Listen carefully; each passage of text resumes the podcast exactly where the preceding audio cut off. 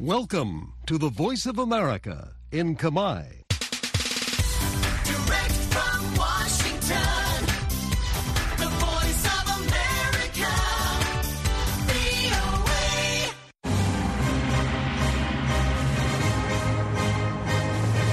សួស្តីប្រិយមិត្តអ្នកស្ដាប់ជាទីមេត្រី នៅក្នុងកម្មវិធីផ្សាយតាមវិទ្យុរបស់ VOA នៅរាត្រីថ្ងៃសៅរ៍ទី24ខែកុម្ភៈឆ្នាំ2024នេះ ខ្ញុំលីម៉ូរីវ៉ាន់និងសហការីនៃក្រុមផ្សាយជាខេមរៈភាសាសូមស្វាគមន៍ប្រិយមិត្តពីរដ្ឋធានី Washington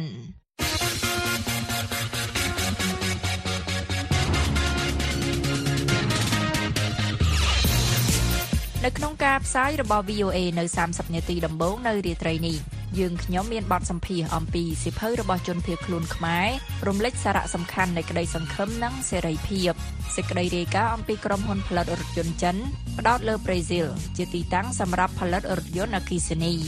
ហើយនឹងសេចក្តីរាយការណ៍អំពីលោក Trump និងក្រុមហ៊ុនត្រូវបានផាកពិន័យប្រាក់364លានដុល្លារនិងត្រូវបានហាមឃាត់មិនឲ្យធ្វើពាណិជ្ជកម្មនៅរដ្ឋញូវយ៉ក ហើយនៅក្នុងការផ្សាយ30នាទីចុងក្រោយរបស់យើងខ្ញុំយើងមានសេចក្តីរាយការណ៍អំពីអ្នកជំនាញសម្លឹងឃើញសក្តានុពលរបស់កម្ពុជា ក្នុងការអភិវឌ្ឍធម្មពលខ្យល់ដោយប្រឈមនឹងឧបសគ្គពីក្រមឧទាមរបបយោធាមីយ៉ាន់ម៉ាបានអនុវត្តច្បាប់កាតព្វកិច្ចយោធាហើយនឹងសេចក្តីរាយការណ៍អំពីអ្នកការពារសិទ្ធិមនុស្សបារម្ភអំពីកំណើនការគៀបសង្កត់ឆ្លងដែននិងទាមទារឲ្យអាមេរិកឆ្លើយតប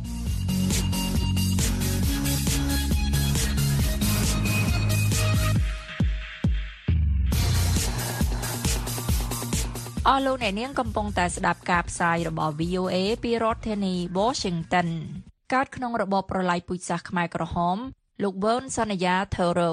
បានរៀបរាប់អំពីដំណើរជីវិតដ៏គួរឲ្យកត់សម្គាល់របស់លោកនៅក្នុងសៀវភៅថ្មីមួយដែលមានចំណងជើងថាដំណើររបស់ជនភៀសខ្លួនឬ The Refugee Journey ដែលបានបោះពុម្ពផ្សាយកាលពីខែវិច្ឆិកាឆ្នាំ2023បន្ទាប់ពីរស់នៅក្នុងជំរំចំនួន5នៅតាមព្រំដែនថៃកម្ពុជា លោកប៊នសន្យាថូរ៉ូបានតាំងទីលំនៅថ្មីនៅសហរដ្ឋអាមេរិកក្នុងឆ្នាំ1992នៅពេលមានអាយុ15ឆ្នាំដោយមិនចេះនិយាយភាសាអង់គ្លេសសោះបច្ចុប្បន្នជនភៀសខ្លួនវ័យ47ឆ្នាំរូបនេះបានរកឃើញភាពជោគជ័យក្នុងការបើកហាងនំដូណាត់និងកាហ្វេខណៈធ្វើការងារសិល្បៈក្នុងការថតរូបនិងគំនូរផងដែរនៅក្នុងបទសម្ភាសន៍ជាមួយលោកចាប់ចត្រានៃ VOA លោកវ៉ឺនសន្យាថូរ៉ូបាននិយាយថា ដោយសារតែខ្ញុំរស់នៅក្នុងសេរីភាពក្នុងប្រទេសនេះទើបខ្ញុំអាចសម្រេចបាននូវក្តីសង្ឃឹមនិងក្តីសុបិនរបស់ខ្ញុំលោកបន្ថែមទៀតថាវាជារឿងសំខាន់ដែលមេដឹកនាំជំនាន់ថ្មីពង្រីកសេរីភាពក្នុងប្រទេសកម្ពុជា ដើម្បីឲ្យអ្នកមានឬអ្នកក្រហ៊ានសង្ឃឹមនិងស្រមើស្រមៃដើម្បីភាពប្រសើរនៃប្រទេសសំលោកអ្នកនាងស្ដាប់បទសម្ភាសន៍នេះដូចតទៅបាទសូមជម្រាបសួរបាទបាទជម្រាបសួរលោកវ៉នសន្យាធូរ៉ូ បាទលោកគឺជាជនជាតិខ្មែរដែលបានភៀសខ្លួនមកនៅសហរដ្ឋអាមេរិកនៅឆ្នាំ1992អឺហើយសប្តាហ៍ថ្ងៃនេះលោកគឺជាអ្នកថតរូបផងហើយខ្ញុំធ្លាប់ឃើញសភៅលោកបានបោះពុំរូបថតសភៅរូបថតលោកផងដែរហើយជាអ្នកសិល្បករជាអ្នកគូររូបដែលធ្លាប់ធ្វើពិព័រណ៍សិល្បៈមួយចំនួនផងដែរហើយក៏ជាអ្នកអឺធ្វើអាជីវកម្មផងដែរខាងហាងដូណាត់ហើយនិងហាងកាហ្វេអឺមានភាពជោគជ័យក្នុងអាជីពបាទហើយថ្មីថ្មីនេះ លោកថូរ៉ូបានអឺសរសេរសៀវភៅមួយដែលជាដូចជាជីវវប្រវត្តិផ្ទាល់ខ្លួនអញ្ចឹងអង់គ្លេសគេហៅថា memoir អឺចំណងជើងថា The Refugee Journey A War Hope and Liberty បកប្រែជាខ្មែរគឺអឺដំណើររបស់ជនភៀសខ្លួនអឺសង្គ្រាមក្តីសង្ឃឹមនិងសេរីភាព បាទលោកថូរ៉ូគឺអឺមុននឹងយើងនិយាយពីសភៅរបស់លោកអឺខ្ញុំចង់ឲ្យលោកចាប់ផ្ដើមរៀបរាប់បន្តិចព្រោះនេះជាសភៅជីវប្រវត្តិផ្ទាល់ខ្លួនណាបាទបាទបាទរៀបរាប់អំពីប្រវត្តិលោកបន្តិចថាអឺលោកអឺ កើតនៅជំនាន់ណានៅទីណាហើយហេតុអីបានមកដល់អាមេរិកនេះបាទបាទបាទវារឿងហ្នឹងវាអឺអឺអឺបើនិយាយឲ្យខ្លីទៅក៏ជារឿងរបស់យើងទាំងអស់គ្នាអឺខ្ញុំកើតនៅក្នុងភ្លើងសង្គ្រាមអឺកណ្ដាលភ្លើងនឹងហ្មងបើនិយាយឲ្យខ្លីទៅគឺនៅក្នុងឆ្នាំ1977អឺយើងដឹងហើយឆ្នាំ1975 ហើយប្រទេសយើង3ឆ្នាំ8ខែបានចូលនៅក្នុងអឺភាពងងឹតនៃប្រវត្តិសាស្ត្រហើយខ្ញុំក៏បានកើតនៅក្នុង77ហ្នឹងគឺថាលំបាកណាស់នៅស្រុកមួយអឺស្រុកតូចមួយទេនៅជួរព្រំដែនជិតបន្ទាយឆ្មាគេហៅថាស្រុកបន្ទាយទន់គេហៅស្រុកថតដាច់ ហហើយក៏អឺអានឹងនៃការអឺសប្តាហ៍ថ្ងៃជាប្រខែប្រទេសបញ្ជ័យកើតបន្ទាយបញ្ជ័យបច្ចុប្បន្នហ្នឹងហើយហើយអឺយើងជាកូនអ្នកស្រុកស្រែបើនិយាយទៅហើយក៏ជាក្មេងក្រឹបផ្លោងហើយក៏បានឆ្លងកាត់នៃភ្លើងសង្គ្រាមរត់តាមជំរំជនភៀសខ្លួនអញ្ចឹងបានសាច់រឿងនេះគឺវាបន្តិចខ្ញុំនឹងអឺយើងជជែកគ្នាបន្ថែមទៀតបាទអរគុណបាទអឺខ្ញុំអានក្នុងសភៅរបស់លោកគឺលោកមានបងប្អូន ធាតពិតអឺ11នាក់ប៉ុន្តែបានស្លាប់ពីរទៅហើយអញ្ចឹងបើអឺលោកលោកជាកូនទី8នៅក្នុងចំណោមកូនទាំង9នាក់នៅនៅរស់បាទបាទបាទអញ្ចឹងអឺធាតពិតលោកគឺជាកូនទី10នៃកូនទាំងអស់11នាក់មែនទេត្រូវហើយហ្នឹងហើយបាទបាទហើយអឺខ្ញុំចង់សួរតិចថាលោកបានធ្វើដំណើរមកដល់អាមេរិកនេះក្នុងនាមជាជនភៀសខ្លួនហើយបានធ្វើការស្វែងរកអឺសេរីភាពការជោគជ័យអញ្ចឹងណាបាទបាទតើហេតុអីបានជាលោកមានកំណត់ចង់ទៅសេជីវប្រវត្តិផ្ទាល់ខ្លួនរបស់លោកនេះអឺនេះឡើងបាទអញ្ចឹងវាជារឿងមួយដ៏លំបាកបំផុត ខ្ញុំនិយាយត្រង់ខ្ញុំមិនចង់និយាយហើយក៏ខ្ញុំមិនចង់អឺអឺពិបាកមិនមែនសម្រាប់ខ្ញុំសម្បីតែបងប្អូនដែលបានឆ្លងកាត់អាភាពដ៏លំបាកអឺបើនិយាយទៅ1000ថ្ងៃនៅក្នុងភ្លើងសង្គ្រាមនឹងវាពិបាកណាស់ទៅយើងអាចឆ្លងកាត់ផុតមកប៉ុន្តែដោយសារវាសំខាន់សម្រាប់ខ្ញុំដែលខ្ញុំអឺត្រូវតែពុះពៀនឹងធ្វើឲ្យការសរសេរភៅថាការរស់នៅក្នុងភ្លើងសង្គ្រាមរឿងជូរចត់វេទនាទុក្ខសោកទនិតកម្មលំបាកណាស់ប៉ុន្តែសរសេរសភៅហ្នឹងណាពិបាកជាងនឹងទៅទៀតអ 7ឆ្នាំសរសេរសភៅនឹងរួច7ឆ្នាំថែមទៀតរកកន្លែងទៅបានបោះពុំឯដើម្បីសម្រេចចិត្តត្រូវការភាពក្លាហានការអត់ធ្មត់ហើយយំមិនដឹងប្រហែលដងទេទឹកភ្នែកហ្នឹងដោយសារអីគ្មានអីមានតែរឿងទុក្ខសត្វនកម្មតែហេតុអីបានយើងពុះពៀដើម្បីឲ្យមានរឿងនេះព្រោះយើងចង់នឹងទៅរំលឹកប្រវត្តិសាស្ត្រមួយអនុស្សាវរីយ៍មួយដែលយើងត្រូវតែធ្វើចឹងមកថាលោកចាំបាច់ត្រូវត្រឡប់ទៅរកការចងចាំដ៏ភ័យខ្លាចដ៏គួររន្ធត់ឡើងវិញដើម្បីទៅសេជាចម្ពោះនីមួយៗនៅក្នុងរឿងនេះ នឹងវាពិតជាប៉ះពាល់អារម្មណ៍ច្រើនដែរអញ្ចឹងបាទហើយខ្ញុំឃើញនៅក្នុងចំណងជើងនេះលោកអឺដាក់ចំណងជើងថាដំណើររបស់ជនភៀសខ្លួនអាហ្នឹងគឺប្រទេសជាច្រើនគឺមានជនភៀសខ្លួនគឺពិភពលោកគឺស្គាល់រឿងហ្នឹងជារឿងដែលគេហៅថាជាសកលមួយបាទជាការបាទលំបាករបស់ពិភពលោកមួយឥឡូវសប្តាហ៍ឃើញសង្គ្រាមនៅអ៊ុយក្រែនក៏ដូចជានៅអឺអឺប៉ាឡេស្ទីននៅនៅអឺអ៊ីស្រាអែលជាដើមបាទបាទគឺសិតតែមានអ្នកជនភៀសខ្លួនហើយជា ជារឿងមួយដែលគេហៅថារឿងសកលបាទបាទហើយលោកបានរៀបរាប់អំពីរឿងផ្នែកផ្នែកសង្គ្រាមតិចហើយប៉ុន្តែក្នុងចំណងជើងរបស់លោកដែលមានមានថាសក្តិសង្ឃឹមហើយនឹងសេរីភាពហ្នឹងតើលោកចង់និយាយពីអីកន្លែងហ្នឹងហើយលោកគិតថាហេតុអីបានវាមានសារៈសំខាន់ដែលជាពិសេសអឺអ្នកដែលអានក៏ដូចជានៅជុំវិញពិភពលោកជាជាជនជាតិកម្ពុជាហ្នឹងចាំបាច់ត្រូវតែដឹងអំពីរឿងសេរីសង្ឃឹមហើយនឹងអឺអឺសេរីភាពនេះសបាទង្គ្រាមសេចក្តីសង្ឃឹមនឹង នឹងនឹងសេរីភាពវាអានឹងជាសាច់រឿងរបស់យើងហើយជាក៏ជាប្រវត្តិសាស្ត្ររបស់យើងហើយយើងបានឆ្លងพ้នរឿងសង្គ្រាមប៉ុន្តែខ្ញុំមិនចង់យករឿងជូរចត់ពេកទេព្រោះរឿងនោះយើងបានឆ្លងកាត់រួចទៅហើយពេលខ្លះអឺប៉ុន្តែសេចក្តីសំខាន់បំផុតគឺយើងបានឆ្លងផុតហើយយើងបានឆ្លងផុតឲ្យជោគជ័យជីវិតដើម្បីបន្តដំណើរជីវិតទៅមុខទៀតគឺយើងត្រូវមានគ្មានអ្នកណាយល់ដឹងជាងខ្មែរទេសេចក្តីសង្ឃឹមសេចក្តីសង្ឃឹមមួយនឹងគឺជាដុំ ដូចពន្លឺដ៏តូចមួយសំឡេងដែលយើងឮដែលដែលដែលដែលដែលដែលធ្វើឲ្យយើងដើរតាមដំណើរនឹងនៃឆាកជីវិតផ្សងព្រេងអញ្ចឹងវាជារឿងយើងត្រូវតែមានសេចក្តីសង្ឃឹមគេថាអឺពាក្យមួយគេថាភ្នំនៃសេចក្តីទុក្ខប៉ុន្តែជាដុំថ្មនៃសេចក្តីសង្ឃឹមដែល Dr. Luther King និយាយ They say the mountain of despair បាទ a stone of hope អានេះវារឿងជាមនុស្សជាតិទាំងអស់គ្នាតែអអញ្ចឹងដើម្បីឲ្យមានសេរីភាព មានន័យថាម៉េចវាសេចក្តីសង្ឃឹមនិងសេរីភាពគឺជាសន្តិភាពហ្នឹងហើយបាទអអញ្ចឹងអ្វីទៅជាសន្តិភាពសន្តិភាពនឹងគឺជាវាមានសន្តិភាពផ្លូវចិត្តហើយនិងសន្តិភាពសេដ្ឋកិច្ចបើអត់បាយស៊ីឯងបើនិយាយត្រង់ទៅយើងគ្មាន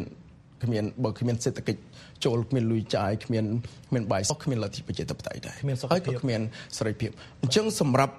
ចំណុចមួយនេះគឺខ្ញុំនិយាយជាទូទៅបាទទាំងប្រជាពលរដ្ឋខ្មែរទាំងបងប្អូនខ្មែរទាំង ក្មេងខ្មែរចំនួនក្រោយអឺដែលយើងជាចំនួនក្រោយនេះដែលបានអឺបានស្គាល់រសជាតិមិនបានឆ្លងកាត់នៅភ្លើងសង្គ្រាមមែនក៏ជាមេរៀនយើងមើលក្រឡេកទៅគ្រាន់តែជាមេរៀនសម្រាប់យើងប៉ុន្តែទៅមុខគឺជាសេរីសង្ឃឹមហើយសិក្សាហើយសេចក្តីសង្ឃឹមនឹងដើម្បីឲ្យមានសេរីភាពពេញលេញយើងត្រូវតែមានប្រព័ន្ធយុទ្ធធម៌យុទ្ធធម៌ផ្លូវចិត្តយើងត្រូវរៀបចំយ៉ាងណាឲ្យចែករំលែក សេដ្ឋកិច្ចឲ្យបានទូលំទូលាយមិនមែនតែក្រុមយើងពួកយើងឬបាក់យើងទេប៉ុន្តែចំពោះប្រជាពលរដ្ឋទាំងអស់ហើយដែលយើងយើងឃើញនៅក្នុងប្រទេសគេដែលយើងបានមកហ្នឹងដោយសារយើងរស់នៅដោយសេរីភាពអញ្ចឹងបានយើងអាចសុបិននៃសេរីសង្ឃឹមរបស់យើង បាទបានជោគជ័យបាទអញ្ចឹងខ្ញុំសង្ឃឹមថានេះក៏ជាជារឿងមួយដែលយើងទាំងអស់គ្នាដើម្បីបដូរការជជែកចែករំលែកចែករំលែកជំរុញទឹកចិត្តគំនិតហ្នឹងហើយដើម្បីយើងចំនួនក្រោយនេះរៀបចំយើងមានឱកាសច្រើនយើងសំណាងទៀត អញ្ចឹងយើងអាចធ្វើអីបានដោយភាពជោគជ័យសម្រាប់ជាតិយើងនិងគ្រួសារយើងអរគុណលោកនេះគឺជាចំណុចល្អដែលយើងបន្តទៅទៅខាងមុខទៀតអញ្ចឹងន័យថាលោកធ្លាប់ឆ្លងកាត់សង្គ្រាមមកដល់សហរដ្ឋអាមេរិកនេះបានទទួលបានក្តីសង្ឃឹមមានក្តីសង្ឃឹមពីក្នុងខ្លួនហើយមានស្គាល់ប្រព័ន្ធដែលមានសេរីភាពនៅទីនេះអនុញ្ញាតឲ្យលោកបានតាមយកសក្តីសម្បត្តិរបស់លោកហើយលោកដែលខ្ញុំបានរៀបរាប់ខាងខាងមុខតិចដែរលោកគឺជាអ្នកថតរូបបានទៅរៀននៅសាកលវិទ្យាល័យខាងផ្នែកថតរូបផង គូសរូបផងជាសិល្បករផងហើយបានបើកអាជីវកម្មមួយចំនួនដូចជា donut ហើយនិង coffee ជាដើមបាទបាទខ្ញុំឃើញថាប្រជាជនខ្មែរយើងមានហាង donut ច្រើនណាស់មែនទេលោកបាទបាទបាទហ្នឹងហើយហ្នឹងចូលចិត្ត business ខាងហ្នឹងណាមកអាហ្នឹងវាជារឿងមួយអាហ្នឹងរឿងគេថារឿងដើម្បីចិញ្ចឹមគ្រួសារគ្រួសារចិញ្ចឹមជីវិតបាទបាទហើយក៏ជាភាពឯករាជ្យមួយបាទសម្រាប់ខ្មែរខ្ញុំឃើញខ្ញុំសូមសរសើរបាទហើយការជោគជ័យយើងទាំងការចាប់ផ្ដើមរហូតដល់ប៉ុណ្ណេះ ហើយយើងក្រោកពីព្រលឹមគឺថាវាលំបាកណាស់ក៏ប៉ុន្តែពុះពៀបាទហើយគេគេគោរពយើងគេស្រឡាញ់យើងណាហ្នឹងហើយដោយសារយើងយើងអាហ្នឹងឲ្យជាមនុស្សបុគ្គលម្នាក់ដែលសម្រេចចិត្តពុះពៀហើយខំមកដើម្បីអីដើម្បីឲ្យមានជីវភាពទូលំទូលាយដើម្បីសេចក្តីថ្លៃថ្នូរជួយផ្ដល់បន្តអនាគតកូនរបស់យើងជាពិសេសក៏យើងជួយជាតិយើងច្រើនណាស់បាទហ្នឹងគឺជាកំកំណត់ដែលគេនិយាយអំពីរឿងសបិនអាមេរិកគេហៅអង់គ្លេសថា American Dream ហ្នឹងគឺកាលណាបុគ្គលណាមករស់នៅសហរដ្ឋអាមេរិកមានទឹកចិត្តប្រឹងធ្វើការ ប្រឹងអត់តស៊ូគឺនឹងបានជោគជ័យបានសេចក្តីថ្លៃថ្នូរសម្បូរខ្លួនឯងគ្រួសារអាជីពរស់នៅបានយ៉ាងសប្បាយមែនទេលោកបាទបាទអញ្ចឹងអឺសំណួរបន្ទាប់នេះខ្ញុំចង់អឺសួរលោកតាក់ទងជាមួយនឹងអារឿង American Dream ឬក៏សបិនអាមេរិកនេះបន្តិចដោយតាក់ទងជាមួយនឹងថាបើសិនជាយើងធ្វើការប្រឹងប្រែងយើងមានឱកាសជោគជ័យហ្នឹងហើយហើយលោកគឺជាជនជាតិខ្មែរមួយរូបដែលធ្លាប់ឆ្លងសង្កាត់សង្គ្រាមនៅកម្ពុជាហើយធ្លាប់ទៅកម្ពុជាជាច្រើនដងផងដែរតាំងពីចុងលើក 5 6ដងដែរណាបាទបាទបាទអឺលោកមើលឃើញថានៅកម្ពុជាយើងតើអឺបរិយាកាសរបស់ប្រទេសយើងហ្នឹងណាតើអាចយើងអាចថាយើងអាចមានសុបិនកម្ពុជាទេដែលថាមានឱកាសជាប្រព័ន្ធប្រអឺប្រទេសមួយដែលអនុញ្ញាតឲ្យប្រជាពលរដ្ឋដែលថាអូបើសិនជាធ្វើការឲ្យប្រឹងប្រែងនឹងទទួលបានជោគជ័យបាទបាទខ្ញុំសង្ឃឹមខ្ញុំសង្ឃឹមហើយយើងគ្រាន់តែមើលតែមួយកលេចទេមួយកលេចចុងក្រោយរយៈពេល40ឆ្នាំកន្លងផុតនេះនរណាម្នាក់ក៏ឆ្លងកាត់នូវភាពលំបាក អុកញ៉ារដ្ឋមន្ត្រីអឺសេដ្ឋីសអឺបណ្ឌិតដែលយើងមាននៅក្នុងស្រុកយើងបច្ចុប្បន្នអឺអញ្ចឹងសង្គមយើងបច្ចុប្បន្នយើងគ្រាន់តែមើលមួយកលេចទេយើងឆ្លងកាត់បាត់ដៃទទេដូចគ្នាអឺប៉ុន្តែខ្មែរពុះពៀខ្មែរនឹងមានមោទនភាពខ្មែរនឹងមានឫសគល់គ្រប់គ្រាន់ទៅហើយគ្រាន់តែភ្លើងសង្គ្រាមមួយប្រព្រឹត្តទេដែលជាសុបិនអាក្រក់ប៉ុន្តែឥឡូវនេះយើងមានឱកាសក្នុងរង្វង់នៃក្រីរបស់យើងរង្វង់គ្រួសាររបស់យើងសង្គមរបស់យើងខ្ញុំឃើញខ្ញុំខ្ញុំឃើញថា បើយើងហ៊ានសុបិនយើងហ៊ានពុះពៀយើងមិនចោះចាញ់នៅឧបសគ្គយើងនឹងជោគជ័យព្រោះការដែលយើងធ្វើអ្វីដែលយើងចង់ធ្វើហ្នឹងហើយវាជាយើងនឹងយើងដែលនិយាយជាមួយយើងភាសាខ្មែរនិយាយខ្លីទៅគឺទេពកុសល ដែលយើងមានណាឆ្នៃប្រឌិតប្រកែហ่าគឺស្អាតល្អប្រសើរហើយខ្ញុំសូមសរសើរអ่าខ្ញុំខ្ញុំខ្ញុំនិយាយឲ្យត្រង់ ប៉ុន្តែក្នុងបេះដូងយើងហ្នឹងនៃដួងកែវនៃសញ្ញនជាតិជាតិដំបងដែលព្រះប្រសូតមកហ្នឹងយើងមានសួនផ្កានៅក្នុងនឹងរួចទៅហើយឥឡូវនេះយើងមានទឹកមានដីដើម្បីពង្រីកបន្ថែមទៀតបើនិយាយពីអឺសង្គមនៃការរៀនសូត្រការរកស៊ីចង់ឲ្យមានជោគជ័យក្នុងជីវិតដែលមានសុបិនមានឡានមានផ្ទះអត់មានបញ្ហាខ្ញុំថាយើងអាចធ្វើបានប៉ុន្តែឲ្យបានទូលំទូលាយបន្តិចពង្រីកបន្តិចមិនមែនតែមួយក្រុមឬក៏មួយស្រុកមួយខេត្តឬទីក្រុងទេបាទអឺ ព្រោះអ្នកណាក៏មានសុបិនដែរបើយើងអាចរៀបចំជើងបានជួយចែករំលែកជើងបានទាញដូចយើងរៀបចំឥឡូវនេះដើម្បីឲ្យក្មេងអ្នកក្រអ្នកមានអាចមានបើអ្នកឯងមានសុបិនអ្នកឯងចង់ធ្វើនឹងឲ្យឱកាសបាទយើងជឿថានេះហើយជាធនធានមនុស្សដើម្បីកសាងជាតិឡើងទៅអនាគតអញ្ចឹងលោកបានន័យថាប្រជាពលរដ្ឋយើងសប្តាហ៍ថ្ងៃនេះចាត់ជាង70%មានអាយុប្រមាណ30ឆ្នាំគឺក្មេងមែនតើហ្នឹងហើយហ្នឹងហើយហើយអញ្ចឹងគាត់មានឱកាសក្នុងការ ធ្វើការអីដែលច្នៃប្រឌិតបង្កើតអីថ្មីថ្មីៗប៉ុន្តែលុះត្រាតែប្រព័ន្ធនៅក្នុងប្រទេសយើងហ្នឹងគឺអនុញ្ញាតឲ្យគាត់បញ្ចេញមតិបញ្ចេញគំនិតហ្នឹងហើយបញ្ចេញភាពច្នៃប្រឌិតអីចឹងទៅណាបាទហើយនឹងឯងខ្ញុំចង់និយាយចំពោះអឺព្រោះយើងក៏ត្រូវការអឺអឺបញ្ញាញាណបញ្ញាញាណហ្នឹងគឺថាទស្សនវិជ្ជាធម៌ដែលយើងយើងកានេះគ្រប់គ្រងអាហ្នឹងគឺនិយាយពីពីសម័យបុរាណមកហើយសម័យឥឡូវវាមិនខុសគ្នាទេព្រមវិហារធ្វើទាំង4ដែលយើងមានជាអ្នកដឹកនាំយើងជាអ្នកមានបញ្ញាគេទទួលស្គាល់ទៅជាអ្នកដឹកនាំ គឺជាកម្ពុជាហើយបើចេញពីប្រកេះបើយើងអាចពង្រីកអាចទាំងអស់នឹងឲ្យទូលំទូលាយអឺដើម្បីដឹកនាំជាតិយើងដោយព្រមវិហារធัวខ្ញុំជឿថាយើងមានការប្រោះព្រំបាទគឺសេចក្តីសុខសុភមង្គលសន្តិភាពដែលយើងចង់បានហើយយើងមិនទ្រាំទៅស្រាប់ជាតិយើងទេពីពិភពលោកទាំងមូលសម្រាប់ខ្ញុំបេះដូងខ្ញុំមានបំណងល្អទេទាំងអស់គ្នាខ្មែរនៅក្រៅប្រទេស បេះដូងមួយនឹងវាចង់ឲ្យជាតិយើងបានសេចក្តីសុខទេយើងទាំងអស់គ្នាដែលយើងនិយាយនេះគ្រាន់តែជាឱកាសនៃកញ្ចក់ដើម្បីមើលឃើញថាតើយើងយ៉ាងណាគ្មានចំនួនក្រោយហើយធ្វើការរួមគ្នាអើយកផ្នត់គំនិតគ្នាមកអង្គុយជជែកគ្នាមកតែយើងធ្វើអីបានបាទអញ្ចឹងវាឲ្យទូលំទូលាយមែនទែនព្រោះយើង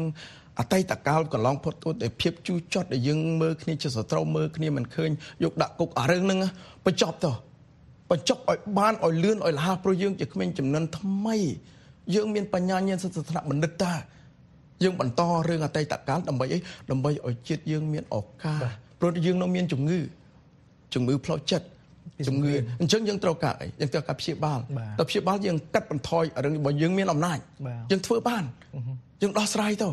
យើងមិនបាច់យកអ្នកណាតែធ្វើជាសត្រូវទេបាទវាអត់មានប្រយោជន៍សម្រាប់ជាតិយើងទេពេលនេះយើងខំមើលទៅមើលការរីកចម្រើននៅក្រុងភ្នំពេញការរីកចម្រើននៅក្រុងព្រះសីហនុជុំប្រទេសយើងមានផ្លូវដើរស្ពាន វាជាហើយឡានយកទំនើបអញ្ចឹងបើសិនយើងអត់មានធនធានមនុស្សបើយើងអត់មានផ្លូវចិត្តនៃសេរីភាពដែលយើងនិយាយនឹងទាំងទាំងទាំងការជជែកគ្នាទាំងការរកស៊ី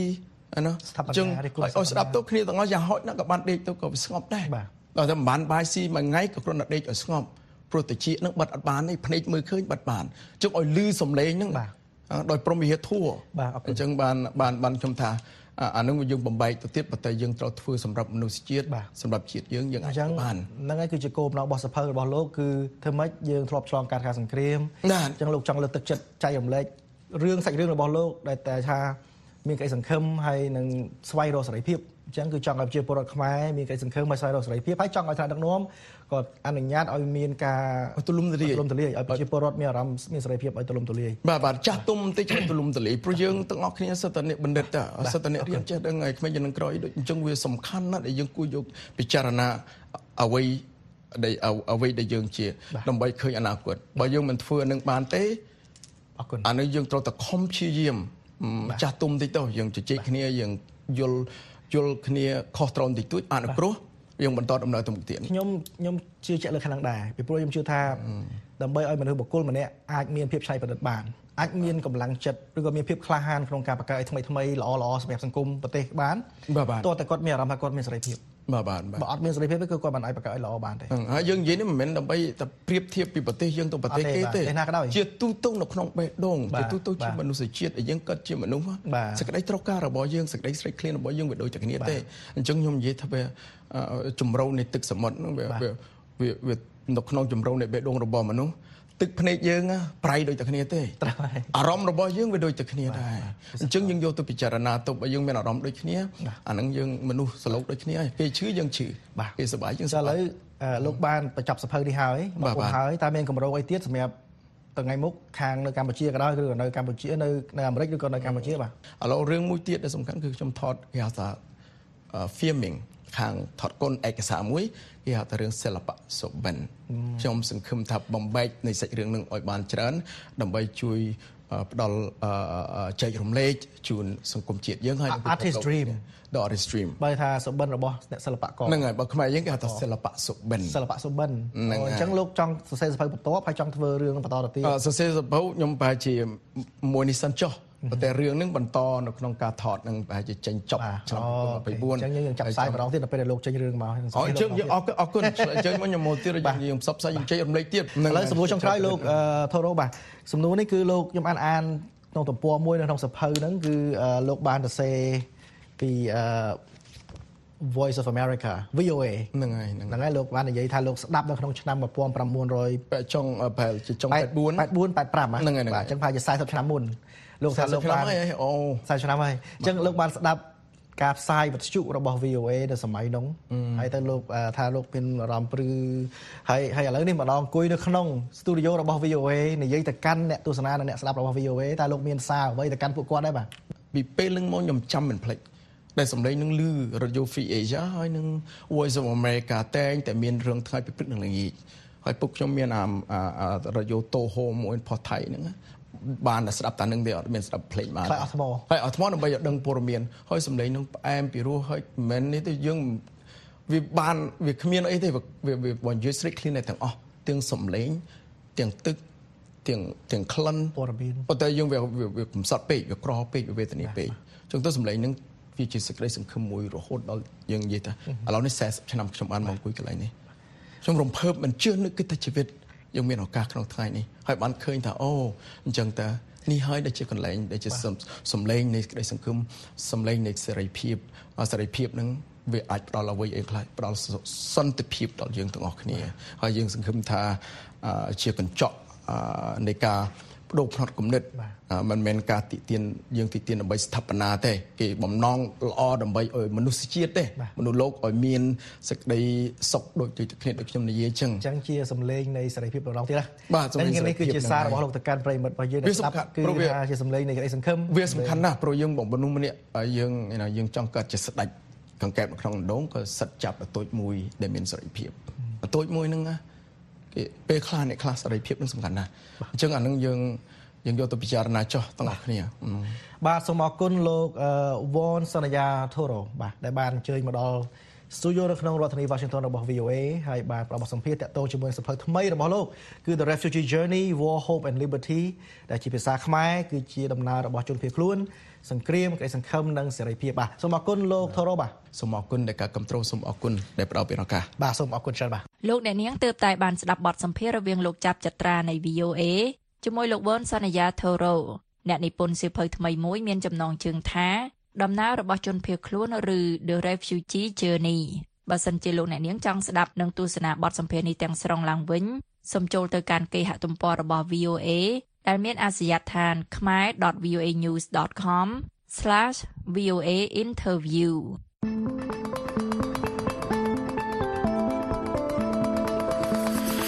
អស់លោកអ្នកនាងកំពុងតែស្ដាប់កម្មវិធីផ្សាយរបស់ VOA ពីរដ្ឋធានី Washington ក្រុមហ៊ុនផលិតរថយន្តចិនកំពុងផ្ដោតលើរថយន្តអគ្គិសនីដើម្បីឈរជើងនៅក្នុងទីផ្សារផលិតរថយន្តនៅប្រេស៊ីលដែលជាប្រទេសផលិតរថយន្តច្រើនជាងគេទី6នៅលើពិភពលោកក្រុមហ៊ុន BYD និងក្រុមហ៊ុន GWM ដែលជាក្រុមហ៊ុនផលិតរថយន្តធំជាងគេបំផុតពីររបស់ចិន កំពុងវិនិយោគប្រមាណ2500លានដុល្លារដើម្បីចាប់ផ្ដើមផលិតកម្មរថយន្តអគ្គិសនីនៅក្នុងប្រទេសប្រេស៊ីលលោកយ៉ានបូឆាតរាយការណ៍អំពីរឿងនេះពីទីក្រុងសៅប៉ូឡូប្រទេសប្រេស៊ីលអ្នកនាងស្រីលក្ខណាជួនសេចក្តីប្រាយសម្រួលដូចតទៅក្រុមហ៊ុនផលិតរថយន្តចិនកំពុងនាំយករថយន្តអគ្គិសនីវាយលុកចូលទីផ្សាររថយន្តប្រេស៊ីលដែលជាទូទៅគ្របដណ្ដប់ដោយក្រុមហ៊ុនអាមេរិកអឺរ៉ុបនិងជប៉ុនក្រុមហ៊ុន BYD និងក្រុមហ៊ុន GWM បានប្រកាសវិនិយោគជាង2500លានដុល្លារដើម្បីចាប់ផ្ដើមផលិតកម្មនៅប្រេស៊ីលឆ្នាំនេះក្រុមហ៊ុនទាំងពីរនេះនឹងប្រែផ្លាស់អតីតក្រុមហ៊ុន Ford និងក្រុមហ៊ុន Mercedes ដែលទើបចាក់ចេញពីប្រទេសនេះលោក Ricardo Bastos ដែលជាប្រធានផ្នែកកិច្ចការស្ថាប័ននៃក្រុមហ៊ុន GWM នៅប្រេស៊ីលនិយាយថា So our strategy not only to យុទ្ធសាស្ត្ររបស់យើងមិនត្រឹមតែដើម្បីនាំចូលរថយន្តប៉ុណ្ណោះទេយើងបានចាប់ផ្ដើមនាំចូលរថយន្តកាលពីឆ្នាំមុននិងបន្តនៅប្រមាណឆ្នាំបន្ទាប់ប៉ុន្តែចាប់ពីឆ្នាំនេះតទៅ យើងនឹងចាប់ផ្ដើមផលិតនៅប្រេស៊ីលដូច្នេះទីផ្សារប្រេស៊ីលគឺល្អផ្នែកយុទ្ធសាស្ត្រសម្រាប់ក្រុមហ៊ុន GWM ក្នុងនាមជាផ្នែកមួយនៃទីផ្សារប៉ុន្តែប្រេស៊ីលក៏នឹងក្លាយជាមូលដ្ឋានសម្រាប់នាំចេញនៅអាមេរិកឡាទីនផងដែរក្រុមហ៊ុនចិននានាលក់បានក្នុងចំនួនច្រើនមិនធ្លាប់មាននៅក្នុងប្រទេសប្រេស៊ីលក្នុងឆ្នាំ2023ដោយរថយន្តពួកគេមានលក្ខណៈសាមញ្ញនិងថោកជាងរថយន្តជប៉ុននិងអឺរ៉ុបដែលជាគូប្រជែងសមាគមរថយន្តអគ្គិសនីប្រេស៊ីលថា ចំនួនលក់រថយន្តអគ្គិសនីកើនជាង90%ជាមធ្យមនៅក្នុងឆ្នាំ2023បើធៀបនឹងឆ្នាំ2022លោក Basto ដែលជាប្រធានសមាគមនេះផងដែរជឿថាទីផ្សារប្រេស៊ីលនឹងបន្តរីកធំឡើងនៅក្នុងឆ្នាំនេះ So this last year was amazing. This year we are forecasting ឆ្នាំមុនគឺអស្ចារ្យណាស់ឆ្នាំនេះយើងព្យាករណ៍ទុកនៅកំណត់ត្រាថ្មីនៃការលក់នៅប្រេស៊ីលយើងរំពឹងថានឹងលក់បាន150,000គ្រឿងនៅប្រេស៊ីលក្នុងឆ្នាំ2024នេះ ប្រេស៊ីលជាប្រទេសផលិតរថយន្តច្រើនជាងគេទី6លើពិភពលោកដែលរថយន្តជាង2លានគ្រឿងលក់បាននៅក្នុងឆ្នាំ2023នេះបញ្យោងតាមសមាគមជាតិផលិតរថយន្តរថយន្តអគ្គិសនីនិងរថយន្ត hybrid នៅតែជាផ្នែកតូចមួយនៅក្នុងទីផ្សារនេះនៅឡើយគឺមានប្រមាណ5%ប៉ុណ្ណោះប៉ុន្តែបានកើនឡើងយ៉ាងទៀងទាត់នៅប៉ុន្មានឆ្នាំចុងក្រោយនេះទោះមានការកើនឡើងអ្នកវិភាគខ្លះថាប្រេស៊ីលមិនចាំបាច់ងាកទៅប្រើរថយន្តអគ្គិសនីទេនិងថាមានជំរឿសដែលល្អជាងនេះ ពួកគេថារថយន្តសឹងតែទាំងអស់នៅប្រេស៊ីលអាចដំណើរការដោយសាំងដែលបញ្ចេញកាបូនតិចដែលមិនត្រូវការឲ្យមានការកែប្រែហេដ្ឋារចនាសម្ព័ន្ធដូចជាការបំពាក់ស្ថានីយ៍សាកអគុយរថយន្តជាដើមលោក Milad Kalumo Neto ដែលជានាយកក្រុមហ៊ុន Cheto Dynamics នៅប្រេស៊ីលដែលជាក្រុមហ៊ុនប្រឹក្សាយោបល់ឧស្សាហកម្មរថយន្តថ្លែងថា So we have ethanol, we have uh, also uh, we យើងមាន have, អេតាណុលយើងក៏មានការវិវត្តដោយប្រើអ៊ីដ្រូសែនផងដែរដូច្នេះយើងមានវិធីដែលអាចប្រើប្រាស់បានយូរអង្វែងដែលប្រសើរជាងរថយន្តអគ្គិសនីឆ្ងាយណាស់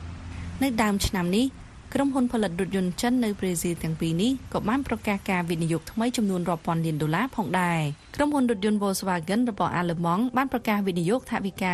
1800លានដុល្លារដើម្បីធ្វើទំនើបកម្មរោងចក្ររបស់ខ្លួននិងចាប់ផ្ដើមផលិតរថយន្ត hybrid និងអគ្គិសនីនៅប្រេស៊ីល ក្រុមហ៊ុនរថយន្ត GM ក៏បានសន្យាវិនិយោគថវិកា1400លានទៅលើរោងចក្រផលិតកម្មនៅប្រេស៊ីលផងដែរប៉ុន្តែមិនបានប្រកាសអំពីផែនការថ្មីណាមួយក្នុងការចាប់ផ្ដើមផលិតរថយន្តអគ្គិសនីនៅក្នុងប្រទេសនេះនោះទេ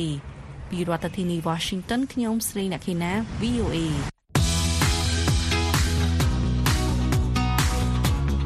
លោកអ្នកនាងកំពុងតែស្ដាប់កម្មវិធីផ្សាយរបស់ VOA ពីរដ្ឋធានី Washington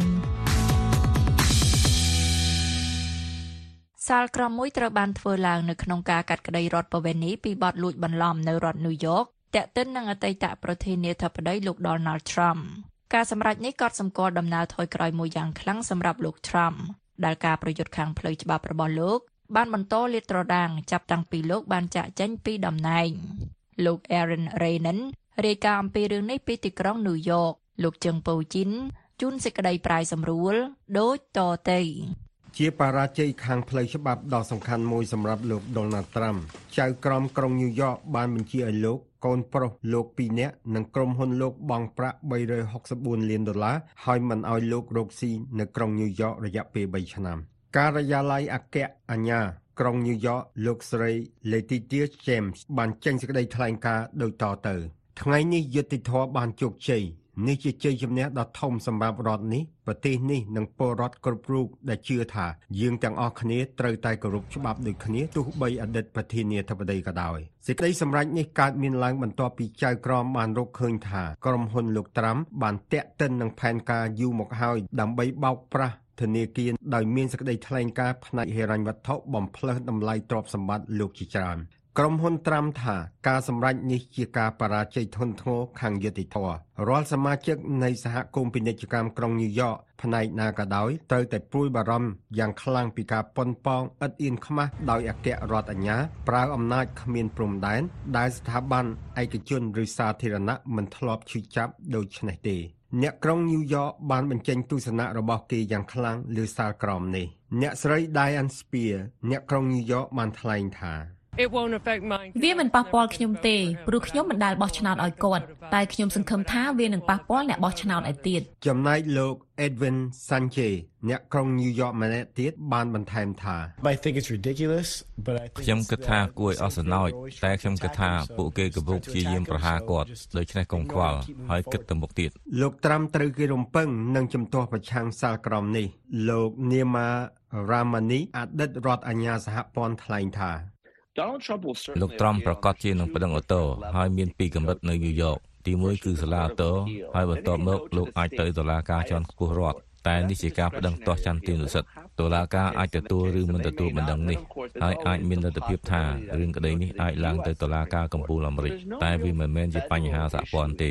នេះជាបញ្ហារដ្ឋនៅញូវយ៉កលោក Ramani បានបញ្ជាក់ថាខណៈលោកត្រាំត្រូវតម្រូវឲ្យបង់ប្រាក់ខ្លះភ្លាមភ្លាមៗលោកមិនត្រូវតម្រូវឲ្យបង់ប្រាក់ទាំងអស់ភ្លាមភ្លាមៗទេ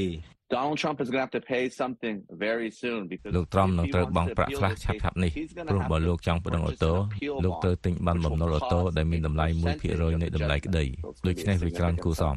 សាលក្រមនេះជាការថយក្រោយមួយសម្រាប់លោកត្រាំមុខមាត់របស់លោកជាពាណិជ្ជករជោគជ័យម្នាក់បានក្លាយជារឿងសំខាន់នៃការប្រាថ្នារបស់លោកធ្វើជាបុគ្គលសាធារណៈនិងនយោបាយហើយអាចមានឥទ្ធិពលលើអ្នកបោះឆ្នោតដែលមិនទាន់សម្រេចចិត្ត លោក Thomas Wallen សាស្ត្រាចារ្យនៃសាកលវិទ្យាល័យ Boston ថ្លែងថា It's all about the រឿងទៅនេះតេតិននឹងអ្នកបោះឆ្នោតឯករាជ្យក្នុងការបោះឆ្នោតប្រធានាធិបតីខាងមុខហើយលើនេះលោកទំនងជានឹងបាត់បង់សម្លេងពួកគេច្រើនការសុំមតិថ្មីថ្មីនេះបង្ហាញថាបញ្ហាផ្លូវច្បាប់របស់លោកទាំងអស់ មិនមែនតែរឿងមួយនេះទេបានធ្វើឲ្យបាត់បង់យ៉ាងតិច10%ក្នុងចំណោមអ្នកបោះឆ្នោតឯករាជ្យហើយវាសំខាន់នៅរដ្ឋ Pennsylvania និង Wisconsin ដែលពេលខ្លះគណៈបកសាធារណឈ្នះហើយពេលខ្លះគណៈបកប្រជាធិបតេយ្យឈ្នះ ដោយការបោះឆ្នោតប្រធានាធិបតីនៅមិនដល់9ខែទៀតហើយបញ្ហាផ្លូវច្បាប់ផ្សេងទៀតរបស់លោកត្រាំរួមទាំងការចោទប្រកាន់ព្រំប្រទានដែលពុំទាន់សម្រេចនោះសាលក្រមអាចមានឥទ្ធិពលយ៉ាងខ្លាំងលើលទ្ធផលនៃការបោះឆ្នោតប្រធានាធិបតីអាមេរិកឆ្នាំ2024ពីរដ្ឋធានី Washington ខ្ញុំជើងពូជីន VOA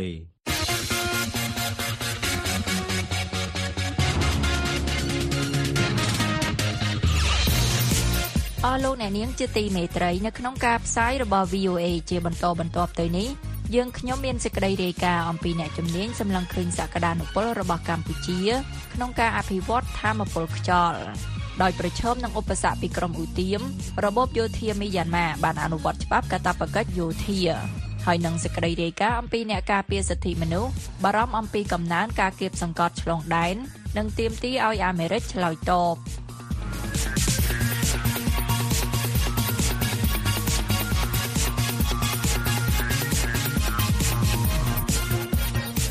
បន្ទាប់ពីការចុះកិច្ចព្រមព្រៀងគ្នារវាងក្រុមហ៊ុន Blue Circle របស់បារាំងនិងក្រុមហ៊ុន Royal Group របស់អ្នកអង្គការគិតមេងដើម្បីវិនិយោគលើធម្មពលខ្យល់នាពេលខាងមុខអ្នកជំនាញលើកឡើងពីសក្តានុពលរបស់កម្ពុជា ដែលអាចអភិវឌ្ឍធម្មពលស្អាតក្នុងនោះមានធម្មពលខ្យល់ជំនួសទំនប់វារីអគ្គិសនីលោកហាណូយរាយការណ៍ឲ្យ VOA ពីរាជធានីភ្នំពេញដូចតទៅ អ្នកជំនាញមើលឃើញពីសក្តានុពលរបស់កម្ពុជានៅក្នុងការអភិវឌ្ឍគម្រោងធម្មពលខ្យល់ដែលជាប្រភេទធម្មពលស្អាតគណៈរដ្ឋាភិបាលក្រុងនឹងដំណើរការគម្រោងធម្មពលខ្យល់នៅក្នុងខេត្តមណ្ឌលគិរីនៅពេលខាងមុខកាលពីខែមករាលោកហ៊ុនម៉ាណែតបានជួបថ្នាក់ដឹកនាំរបស់ក្រុមហ៊ុន Blue Cycle របស់បារាំងហើយលោកបានលើកឡើងថាក្រុមហ៊ុននេះបានជ្រើសរើសខេត្តមណ្ឌលគិរីដើម្បីអនុវត្តគម្រោងទី1របស់ក្រុមហ៊ុនលើគម្រោងទាញយកធម្មពលខ្យល់បំលែងជាអគ្គិសនីដែលក្រុងនឹងបើកដំណើរការចាប់ពីឆ្នាំ2026នេះបើយោងតាមព័ត៌មានដែលបង្ហោះលើទំព័រ Facebook នាយករដ្ឋមន្ត្រីកាលពីថ្ងៃទី15ខែមករាឆ្នាំ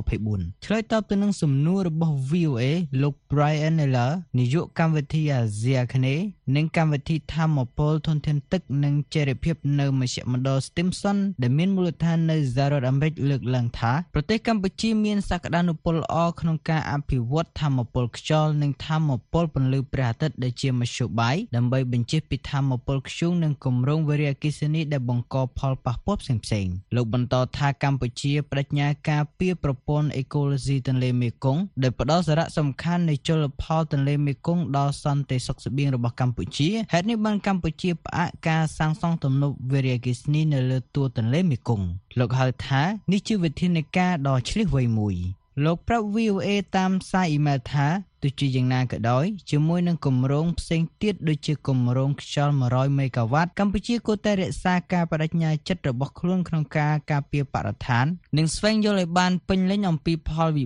បាកនៃផលប៉ះពាល់បរិស្ថានមុនពេលឆ្ពោះទៅមុខបើយោងតាមសេចក្តីប្រកាសព័ត៌មានរបស់ក្រុមហ៊ុន Blue Cycle ចុះថ្ងៃទី17ខែមករាឆ្នាំ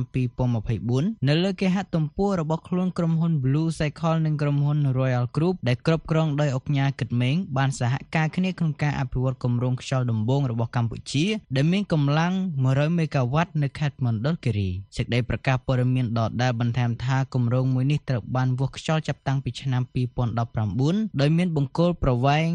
120ម៉ែត្រនិងឧបករណ៍ Spider ផ្សេងៗខណៈថាខេត្តមណ្ឌលគិរីគឺជាទីតាំងដែលមានខ្យល់ច្រើនជាងគេនៅក្នុងប្រទេសកម្ពុជានិងក្នុងចំណោមតំបន់អាស៊ីអាគ្នេយ៍ផងដែរសេចក្តីប្រកាសព័ត៌មានបញ្ជាក់ថាគំរូខ្យល់ពិសេសនៃផ្នែកនៃតំបន់ទន្លេមេគង្គក្រមនេះនឹងជំរុញការផលិតធម្មពលដែលមានសក្តានុពលជាចម្បងក្នុងរដូវប្រាំងចាប់ពីខែវិច្ឆិកាដល់ខែមេសាខ្យល់មូសុងតាមរដូវនេះនឹងបំពេញបន្ថែមនៅឧត្តមភាពផលិតកម្មធម្មពលវារីអគ្គិសនីដែលតំណាងឲ្យជាង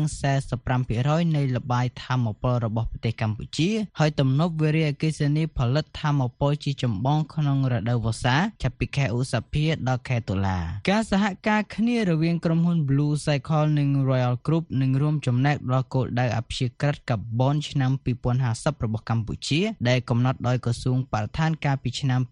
2022និងថាការបន្ថែមធម្មពលខ្យល់នៅក្នុងលបាយធម្មពលរបស់ប្រទេសកម្ពុជានឹងមិនត្រឹមតែកាត់បន្ថយថ្លៃដើមនិងការប្រែប្រួលតម្លៃប្រភពផ្គត់ផ្គង់ដល់អគ្គិសនីកម្ពុជាដែលជាស្ថាប័នធម្មពលរបស់ជាតិប៉ុណ្ណោះទេប៉ុន្តែនឹងពង្រឹងឯករាជ្យភាពធម្មពលរបស់ប្រទេសជាមួយនឹងធម្មពលផលិតក្នុងស្រុកផងដែរនេះបើតាមសេចក្តីប្រកាសព័ត៌មានដដែល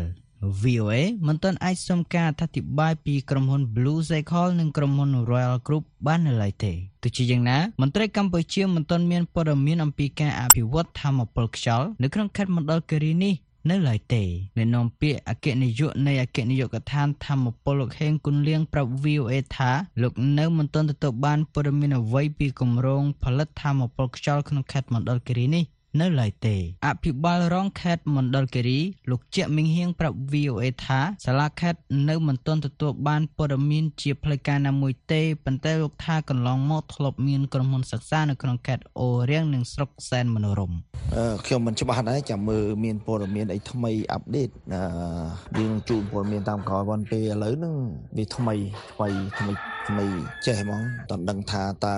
ក្រុមហ៊ុនណាឬមួយស្អីក៏ដឹងថាមានក្រុមហ៊ុនធ្លាប់សិក្សាពីប្រភពខ្យល់និងអីទាំងដែរប៉ុន្តែយើងអត់ច្បាស់ដែរ អ្នកនាំពាក្យក្រសួងបរិស្ថានលោកខ្វៃអតិតជាលើកឡើងថាគម្រោងអភិវឌ្ឍធម្មពលកន្លងមកធ្លាប់មានការសិក្សាពីក្រងធម្មពលខ្យល់នៅកម្ពុជាដែលភាគច្រើនធម្មពលខ្យល់អាចមានសក្តានុពលនៅតំបន់ជួបមាត់សមុទ្រប្រទេសដូចជាខេត្តកំពតជាដើមទោះជាយ៉ាងណាលោកបន្តថាគម្រោងអភិវឌ្ឍធម្មពលខ្យល់ខ្នាតធំនៅមិនទាន់មាននៅឡើយទេនៅក្នុងប្រទេសកម្ពុជាលោកប្រាប់ VOA តាមប្រព័ន្ធ Telegram ជាអក្សរថាគម្រោងធម្មពលខ្យល់គឺជាគម្រោងធម្មពលស្អាតដែលកម្ពុជាកំពុងយកចិត្តទុកដាក់និងលើកទឹកចិត្តក្នុងការផលិតធម្មពលស្អាតនៅក្នុងប្រទេសដែលជាប្រភេទធម្មពលកកាត់ឡើងក្នុងធម្មពលកកាត់ឡើងវិញដែលកម្ពុជាបានអភិវឌ្ឍរួមមានធម្មពលពន្លឺព្រះអាទិត្យនិងធម្មពលវិរៈគិសនីធម្មពលកកាត់ឡើងវិញទាំងនេះក៏ស្ថិតនៅក្នុងផែនការមេសម្រាប់អភិវឌ្ឍធម្មពល ប្រធានប្រតិបត្តិនៃសមាគមបណ្ដាញយុវជនកម្ពុជាលោកហេងកំហុងប្រាប់ VOA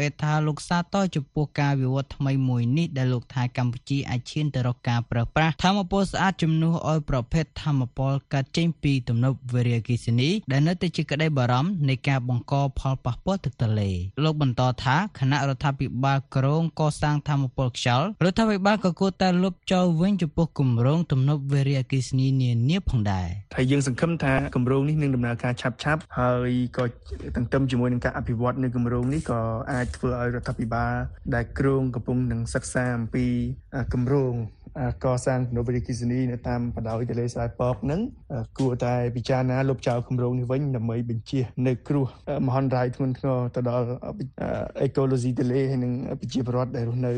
ផ្នែកខាងលើនៃទន្លេបាទបើតាមលោកហេងកំហុងរដ្ឋាភិបាលគួរតែជំរុញនៅការអភិវឌ្ឍធម្មពលខ្យល់នេះឲ្យបានលឿនគណៈកម្ពុជាបដិញ្ញាចិត្តនៅក្នុងការកាត់បន្ថយឬក៏លុប ចោលនៅគម្រោងឈូងថ្មគូបញ្ជាក់ថាក្រៅពីក្រុមហ៊ុនបារាំងក៏មានក្រុមហ៊ុនចិនឈ្មោះ China Datang Corporation Ltd បង្ហាញការចាប់អារម្មណ៍ក្នុងការវិនិយោគផលិតធម្មពលខ្យល់នេះផងដែរកាលពីខែតុលាឆ្នាំមុនលោកហ៊ុនម៉ាណែតធ្លាប់ជួបតំណាងក្រុមហ៊ុននេះហើយក្រុមហ៊ុនបានបដិញ្ញាក្នុងការបង្កើនទុនវិនិយោគចំនួន600លានដុល្លារអាមេរិកបន្ថែមទៀតលើគម្រោងក្នុងវិស័យធម្មពលពន្លឺព្រះអាទិត្យនិងធម្មពលខ្យល់ដើម្បីជាការរួមចំណែកក្នុងការអនុវត្តយុទ្ធសាស្ត្របញ្ចកនរបស់រដ្ឋាភិបាលកម្ពុជាក្នុងអាណត្តិទី7នេះនេះវាយោងតាមព័ត៌មានដែលបង្ហោះលើ Facebook នាយករដ្ឋមន្ត្រីរីកាពីរាជធានីភ្នំពេញ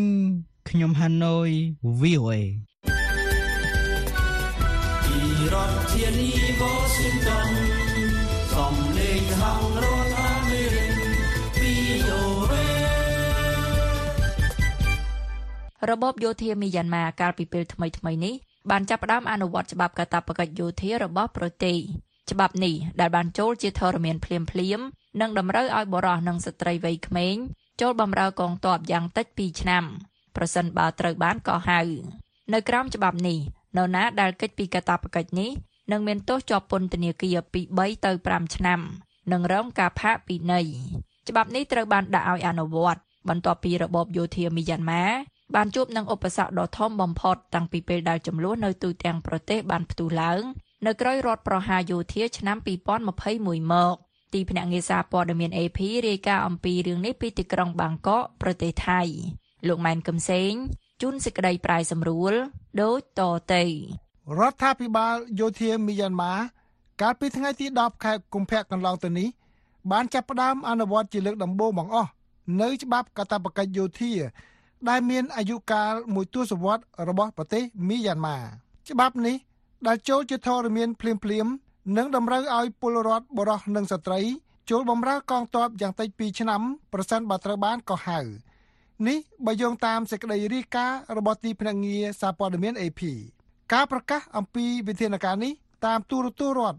គឺស្មើនឹងការទទួលស្គាល់ដ៏ធំមួយ បើទោះបីជាមិនបានបង្ហើបក៏ដោយថាយោធាមីយ៉ាន់ម៉ាកំពុងប្រឹងប្រែងយ៉ាងត្រដាបត្រដួសនៅក្នុងការទប់ស្កាត់និងការបះបោររបស់ក្រុមតស៊ូប្រដាប់អាវុធនៅទូទាំងប្រទេស ប្រឆាំងនឹងការដឹកនាំរបស់ខ្លួន នៅក្រមច្បាប់សេវាយោធាប្រជាជន ឆ្នាំ2010ដែលបានអនុម័តនៅក្រោមរដ្ឋាភិបាលយោធាពីមុន គឺបរិះអាយុចាប់ពី18ដល់45ឆ្នាំ និងស្ត្រីអាយុពី18ដល់35ឆ្នាំ អាចត្រូវបានកេណ្ឌឲ្យចូលបម្រើកងទ័ពរយៈពេល2ឆ្នាំ និងអាចពន្យាបន្ថែមរហូតដល់ទៅ5ឆ្នាំ ក្នុងអំឡុងពេលមានស្ថានភាពបន្ទាន់ថ្នាក់ជាតិក្រុមប្រឹក្សាយោធាដឹកនាំប្រទេសមីយ៉ាន់ម៉ានៅពេលបច្ចុប្បន្នដែលហៅថាក្រុមប្រឹក្សារដ្ឋបាលរដ្ឋបានឡើងកាន់អំណាចនៅឆ្នាំ2021បន្ទាប់ពីបានធ្វើរដ្ឋប្រហារទម្លាក់រដ្ឋាភិបាលស៊ីវិល ដែលជាប់ឆ្នោតតាមបែបប្រជាធិបតេយ្យរបស់អ្នកស្រីអង្សានស៊ូជីច្បាប់កាតព្វកិច្ចយោធានេះត្រូវបានដាក់ឲ្យអនុវត្តបន្ទាប់ពីយោធាបានជួបឧបសគ្គដ៏ធំបំផុត តាំងពីពេលដែលចំនួននៅទូទាំងប្រទេស បានផ្ទុះឡើងនៅក្រោយរដ្ឋប្រហារយោធាមកការវាយប្រហារដ៏ភ្ញាក់ផ្អើលមួយដែលបានចាប់ផ្ដើមកាលពីខែតុលាឆ្នាំមុនដោយសម្ព័ន្ធភាពអង្គការជនជាតិភាគតិចប្រដាប់អាវុធ បានដណ្ដើមកាន់កាប់ដែនដីមួយផ្នែកធំនៅភាគឦសានប្រទេសមីយ៉ាន់ម៉ាតាមបណ្ដោយព្រំដែនជាប់ប្រទេសចិនក្នុងរយៈពេលតិចជាង3ខែឧបសគ្គនេះបានជំរុញទឹកចិត្តកងកម្លាំងតស៊ូនៅតាមផ្នែកផ្សេងៗនៃប្រទេសមីយ៉ាន់ម៉ាឲ្យចាប់ផ្ដើមវាយប្រហារផ្ទាល់ខ្លួនរបស់ពួកគេ កាលពីពេលថ្មីថ្មីនេះការប្រយុទ្ធគ្នានៅក្នុងរដ្ឋរខាញនៅភូមិខាងលិចបានបណ្ដាលឲ្យកងកម្លាំងសន្តិសុខរដ្ឋរាប់រយនាក់ គេចចេញទៅកាន់ប្រទេសបង់ក្លាដេសដែលនៅជិតខាងយោធាមីយ៉ាន់ម៉ាប្រឈមនឹងសត្រូវពីរសត្រូវទី1គឺកងកម្លាំងគ្រប់គ្រងលទ្ធិប្រជាធិបតេយ្យដែលត្រូវបានបង្កើតឡើងបន្ទាប់ពីយោធាបានឡើងកាន់អំណាច។ហើយសត្រូវមួយទៀតគឺក្រុមប្រដាប់អាវុធជាតិសាសភាគតិចដែលមានការវឹកហាត់និងបំពាក់អាវុធបានល្អដែលបានប្រយុទ្ធដើម្បីដណ្ដើមស្វ័យភាពប្រសើរជាងមុនអស់រយៈពេលរាប់ទសវត្សរ៍មកហើយគេឃើញក្រុមតស៊ូទាំងពីរនេះ មានសម្ព័ន្ធភាពជាមួយគ្នា ច្បាប់កាតព្វកិច្ចយោធានេះបានចែងថាជនណាដែលកិច្ចពីកាតព្វកិច្ចនេះនឹងមានទោសជាប់ពន្ធនាគារពី3ទៅ5ឆ្នាំនិងរងការផាកពិន័យបុព្វជិតគឺត្រូវបានលើកលែងរីឯមន្ត្រីរដ្ឋការនិងសិស្សនិស្សិតវិញអាចទទួលបានការពន្យាពេលបណ្ដោះអាសន្នលោកឧត្តមសេនីយ៍តូ John Minton អ្នកនាំពាក្យរដ្ឋាភិបាលយោធាមីយ៉ាន់ម៉ា បានបញ្ជាក់នៅក្នុងសេចក្តីថ្លែងការណ៍មួយដែលបញ្ចាំងតាមទូរទស្សន៍រដ្ឋ MRTV ថាច្បាប់នេះត្រូវបានអនុវត្តដោយសារស្ថានភាពបច្ចុប្បន្ននៅក្នុងប្រទេសមីយ៉ាន់ម៉ាលោកបាននិយាយថាការដាក់ឲ្យអនុវត្តច្បាប់នេះអាចជួយបង្ការសង្គ្រាមតាមរយៈការបង្ហាញកម្លាំងឲ្យសត្រូវបានឃើញលោក John Minton បានថ្លែងដូចនេះថាអ្វីដែលយើងចង់និយាយគឺថាការទទួលខុសត្រូវផ្នែកការពារជាតិ គឺមិនមែនជាការទទួលខុសត្រូវតែមួយគត់របស់ទាហាននោះទេវាគឺជាការទទួលខុសត្រូវរបស់មនុស្សគ្រប់រូបនៅគ្រប់កន្លែងទាំងអស់នៅក្នុងប្រទេសសន្តិសុខជាតិគឺជាការទទួលខុសត្រូវរបស់មនុស្សគ្រប់រូបដូច្នេះហើយខ្ញុំចង់ប្រាប់អ្នកទាំងអស់គ្នាឲ្យចូលបម្រើកងទ័ពដោយមោទនភាព នៅក្រោមច្បាប់សេវាយោធាប្រជាជន ដែលបានអនុម័តហើយកងកម្លាំងរបស់របបយោធាមីយ៉ាន់ម៉ាកាន់តែស្ដួយស្ដាងដោយសារតែការបះបោរ កាលពីពេលថ្មីថ្មីនេះរបស់ក្រុមតស៊ូប្រដាប់អាវុធគេជឿថាការធ្លាក់ចុះនេះគឺបណ្ដាលមកពីការស្លាប់និងរងរបួសនឹងការរត់ចោលជួរបើទោះបីជាគេមិនដឹងថាការធ្លាក់ចុះនេះមានទំហំប៉ុណ្ណាក៏ដោយ។កាលពីខែកញ្ញាឆ្នាំមុនក្រសួងការពារជាតិរបស់រដ្ឋាភិបាលរួបរวมជាតិដែលជាអង្គការនយោបាយនាំមុខនៃក្រមតស៊ូដែលដើរតួជារដ្ឋាភិបាលស្រមោលរបស់មីយ៉ាន់ម៉ាបានបញ្ជាក់ថា ទីហ៊ានមីយ៉ាន់ម៉ាជាង14000នាក់បានរត់ចោលជួរតាំងពីរដ្ឋប្រហារឆ្នាំ2021មកគេឃើញមានសេចក្តីរាយការណ៍កាលពីពេលថ្មីថ្មីនេះទាំងនៅក្នុងប្រព័ន្ធផ្សព្វផ្សាយឯករាជ្យនិងនៅក្នុងប្រព័ន្ធផ្សព្វផ្សាយដែលមានទំនោរទៅរកក្រុមតស៊ូប្រឆាំងការបង្ខំជ្រើសរើសយុវជនក្មេងៗនៅតាមតំបន់ទីក្រុងឲ្យចូលបម្រើកងទ័ពទស្សនាវដ្តីព័ត៌មានអនឡាញ Frontier Myanmar បានរាយការណ៍កាលពីខែមករាថាទោះបីជាទំហំនៃការជ្រើសរើសនេះមិនច្បាស់លាស់ក៏ដោយក៏គេឃើញមានសេចក្តីរាយការណ៍នានាដែលចែកផ្សាយនៅលើបណ្ដាញសង្គមអនឡាញថាបរោះបរោះត្រូវបានគេឃុំឃាំងនិងបង្ខំឲ្យចូលបម្រើកងទ័ពសូម្បីតែនៅក្នុងទីក្រុងរងហ្គូនដែលជាបេះដូងពាណិជ្ជកម្មរបស់មីយ៉ាន់ម៉ាក៏ដោយដោយករណីនេះបានបង្កឲ្យមានការក្រានរំលឹកកុំឲ្យមានការចេញទៅខាងក្រៅនៅពេលយប់នៅក្នុងទីក្រុងនោះ ការធ្វើរដ្ឋប្រហារដណ្ដើមអំណាចរបស់យោធាមីយ៉ាន់ម៉ាកាលពីឆ្នាំ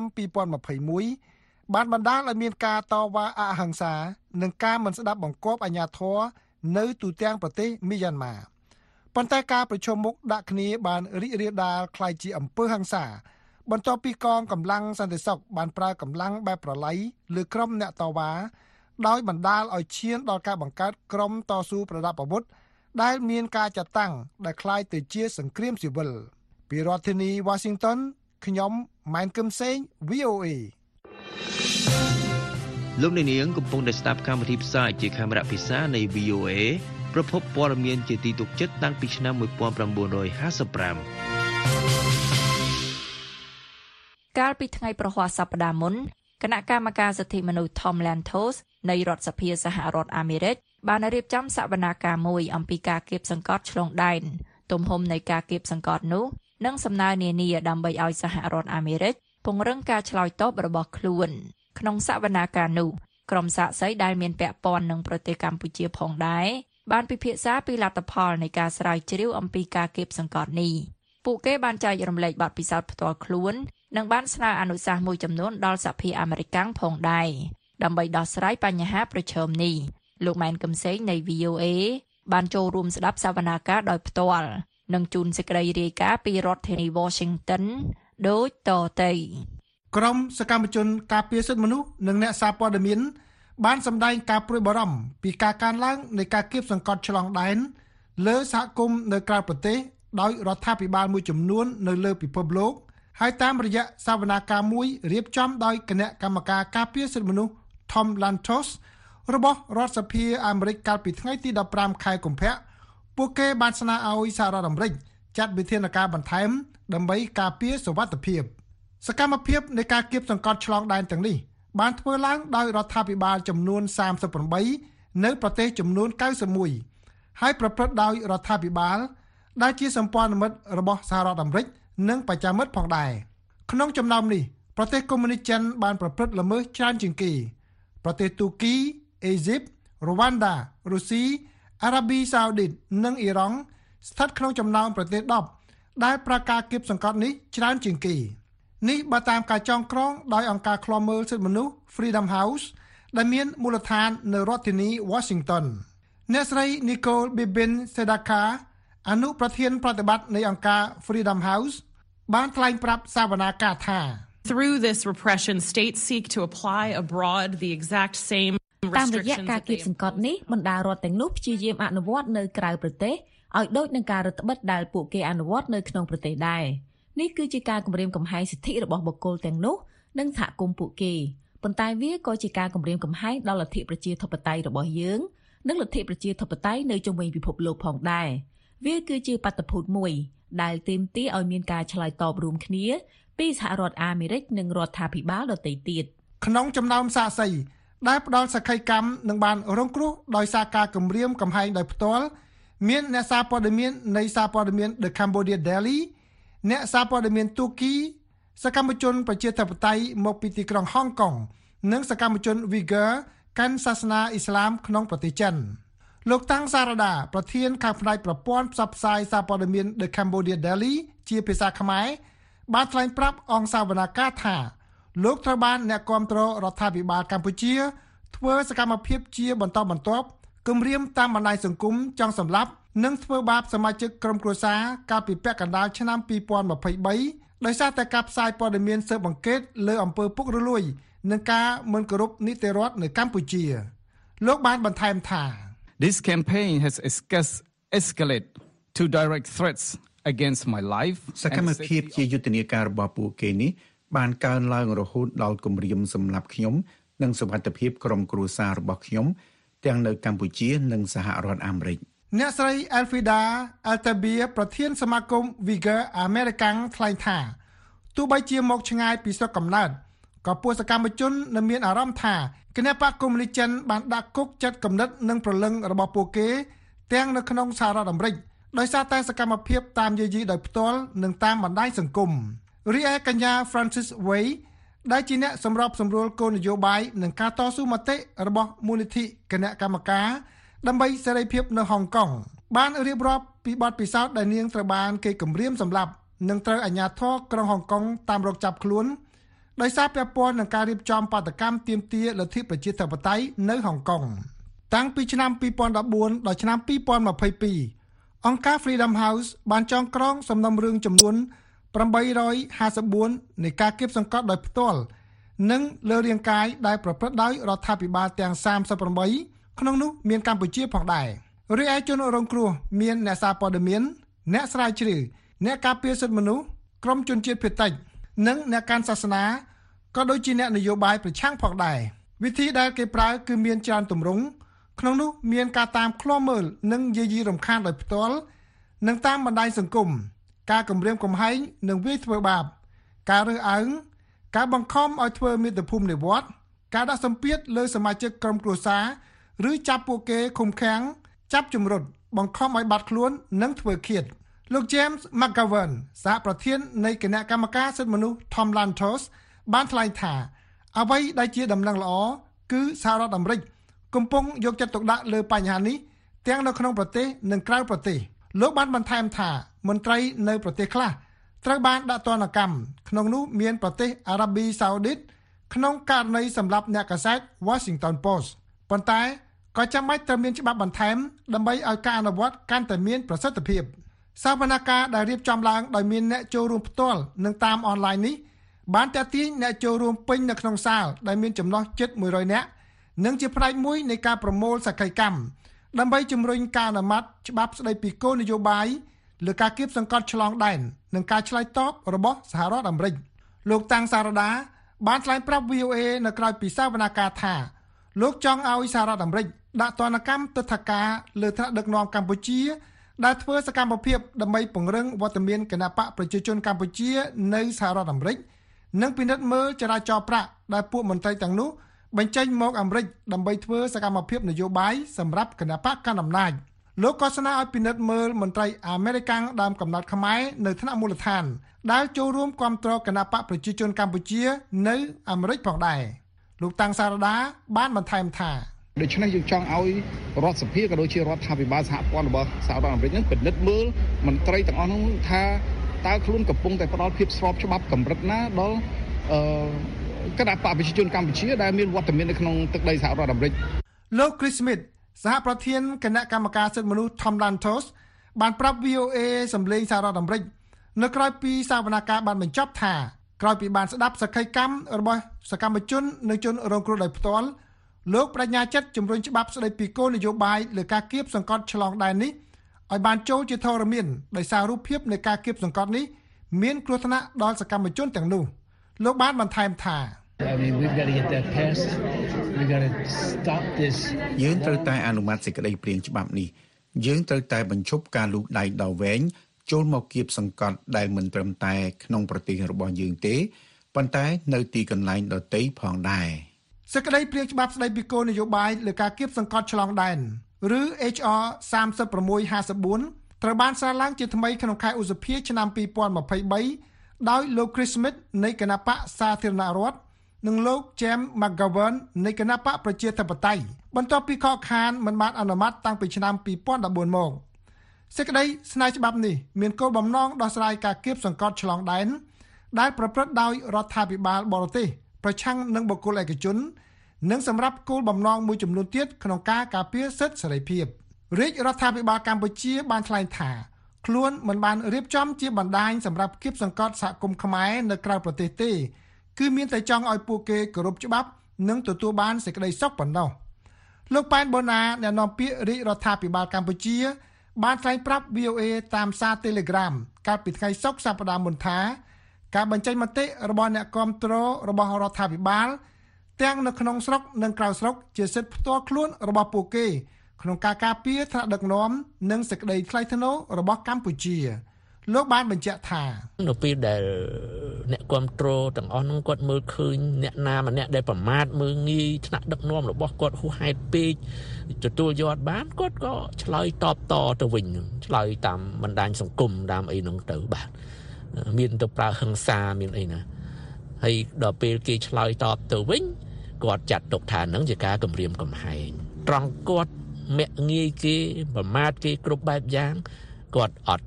ធ្វើដឹងធ្វើលឺត្រង់គេឆ្លើយទៅវិញគាត់ថាគេគំរាមកំហែងនេះគឺជាទម្លាប់របស់ពួកគាត់លោកប៉ែនបូណាចាត់ទុកថាករណីរបស់លោកតាំងសារដានៃសារព័ត៌មាន The Cambodia Daily គឺមិនមានការចាត់តាំងឲ្យគម្រាមកំហែងទេ Cambodia Daily របស់គាត់នឹងផ្សាយព័ត៌មានញុះញង់បំភ្លឺបំភ្លៃវាយបហាលៀបពណ៌រដ្ឋាភិបាលគ្រប់បែបយ៉ាងប៉ះពាល់កិត្តិយស សេចក្តីថ្លៃថ្នូររបស់ថ្នាក់ដឹកនាំគ្រប់បែបយ៉ាងអញ្ចឹងក៏មានអ្នកគ្រប់គ្រងរាជរដ្ឋាភិបាលមួយចំនួនគេក៏មិនទទួលយកបានគេឆ្លើយតបទៅវិញតាមបណ្ដាញសង្គមអីអញ្ចឹងហើយគាត់ទៅចាត់ទុកថានឹងជាការគំរាមកំហែងចុះខ្លួនគាត់ដែលធ្វើឲ្យប៉ះពាល់កិត្តិយសគេឲ្យអាងតែខ្លួនឯងនៅក្រៅប្រទេសគាត់អត់ទទួលខុសត្រូវអានឹងមិនវិញនេះជាការមិនទទួលខុសត្រូវរបស់ពួកគាត់នឹងឯងបាទ អូយខ្លួនឯងមិនទទួលខុសត្រូវមកចោទរាជរដ្ឋាភិបាលទៀតថាមានបណ្ដាញធ្វើទុកបុកម្នេញទោះបីជាទៅដល់ក្រៅស្រុកហើយក៏ដោយអាហ្នឹងជាពាក្យដែលចេញពីមាត់របស់គាត់ប្រឌិតឡើងទាំងអស់បាទតំណាងសកម្មជនសហគមន៍ខ្មែរនៅសហរដ្ឋអាមេរិកដែលធ្វើសកម្មភាពដើម្បីលើកកម្ពស់សិទ្ធិមនុស្សនិងលទ្ធិប្រជាធិបតេយ្យសម្ដែងការពេញចិត្តដែលគណៈកម្មការសិទ្ធិមនុស្សនៃរដ្ឋសភាអាមេរិក យកចិត្តទុកដាក់ចាត់វិធានការច្បាប់លើករណីគម្រាមកំហែងឆ្លងប្រទេសនិងក៏លើកទឹកចិត្តឲ្យសកម្មជនដទៃទៀតប្រុងប្រយ័ត្ននិងត្រូវរាយការណ៍ជូនអាជ្ញាធរសហរដ្ឋអាមេរិកពីសកម្មភាពដែលបង្ខិតបង្ខំនិងបំផិតបំភ័យលើពួកគេលោកយ៉ាប់កំតឹង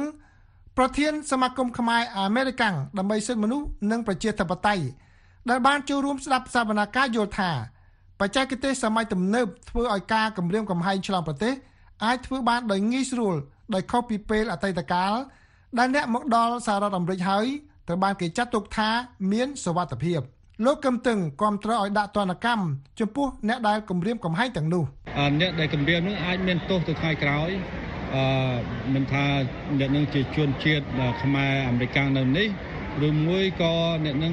រដ្ឋមន្ត្រីនៅស្រុកខ្មែរពីព្រោះច្បាប់នឹងគេអាចដាក់ទណ្ឌកម្មទៅអ្នកនឹងលោកសម្បត្តិរ៉េត អនុប្រធានចលនាខ្មែរដើម្បីប្រជាធិបតេយ្យដែលបានចូលរួមស្ដាប់សវនាការដែរបានប្រាប់ VOA ថាដូច្នេះខ្ញុំជឿថាប្រជាជនខ្មែរដែលរងទុក្ខវេទនាក្រោមការគៀបសង្កត់ឆ្លងដែនគម្រាមឆ្លងដែននេះនឹងមានខ្នងបង្អែកដែលយើងគិតថាវាជាអាវុធមួយជាអាវក្រោះមួយដើម្បីការពារយើងដើម្បីក្នុងការបញ្ចេញមតិមិនសម្រាប់ទៅលើអឺ គណៈបកនយោបាយឬក៏អ្នកសង្គមស៊ីវិលឬក៏សកម្មជនទេហើយខ្ញុំជឿថាយើងទាំងអស់គ្នាអាចទទួលយកបានហើយនឹងសូមឲ្យបងប្អូនទាំងអស់ជួយគ្រប់គ្រងច្បាប់នេះជួយជំរុញច្បាប់នេះឲ្យចេញក្នុងពេលដែលសេចក្តីព្រាងច្បាប់ស្តីពីគោលនយោបាយលើការគៀបសង្កត់ឆ្លងដែននឹងមិនទាន់អនុម័តនៅឡើយក្រុមអ្នកការពារសិទ្ធិមនុស្សទាំងនេះយល់ថាមានច្បាប់មួយចំនួនទៀតដែលសហរដ្ឋអាមេរិកអាចប្រើប្រាស់បានដូចជាច្បាប់ Global Magnitsky ហើយសហរដ្ឋអាមេរិក ត្រូវប្រើគ្រប់មធ្យោបាយក្នុងការដោះស្រាយទាំងជាមួយនឹងប្រទេសសម្ព័ន្ធមិត្តក៏ដូចជាប្រទេសអាមិតរីកាពីរដ្ឋធានី Washington ខ្ញុំម៉ែនកឹមសេង VOA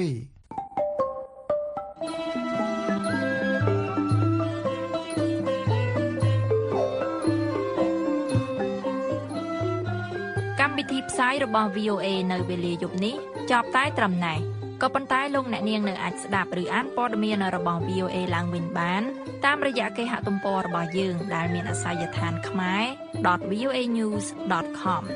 សំឡេងអ្នកនាងរងចាំស្ដាប់សេចក្តីរាយការណ៍ព័ត៌មានជាតិនិងអន្តរជាតិរបស់ VOA នៅក្នុងការផ្សាយបន្តផ្ទាល់របស់យើងខ្ញុំនៅព្រឹកស្អែកទៀត ពីម៉ោង5ដល់ម៉ោង5:30នាទីតាមរលកវិទ្យុ31និង49ម៉ែត្រត្រូវនឹងកម្រិត9320 5915និង1575 kHz សំឡេងអ្នកនាងប្រកបដោយសេចក្តីសុខនិងសុភមង្គលគ្រប់ប្រការរាត្រីសួស្តី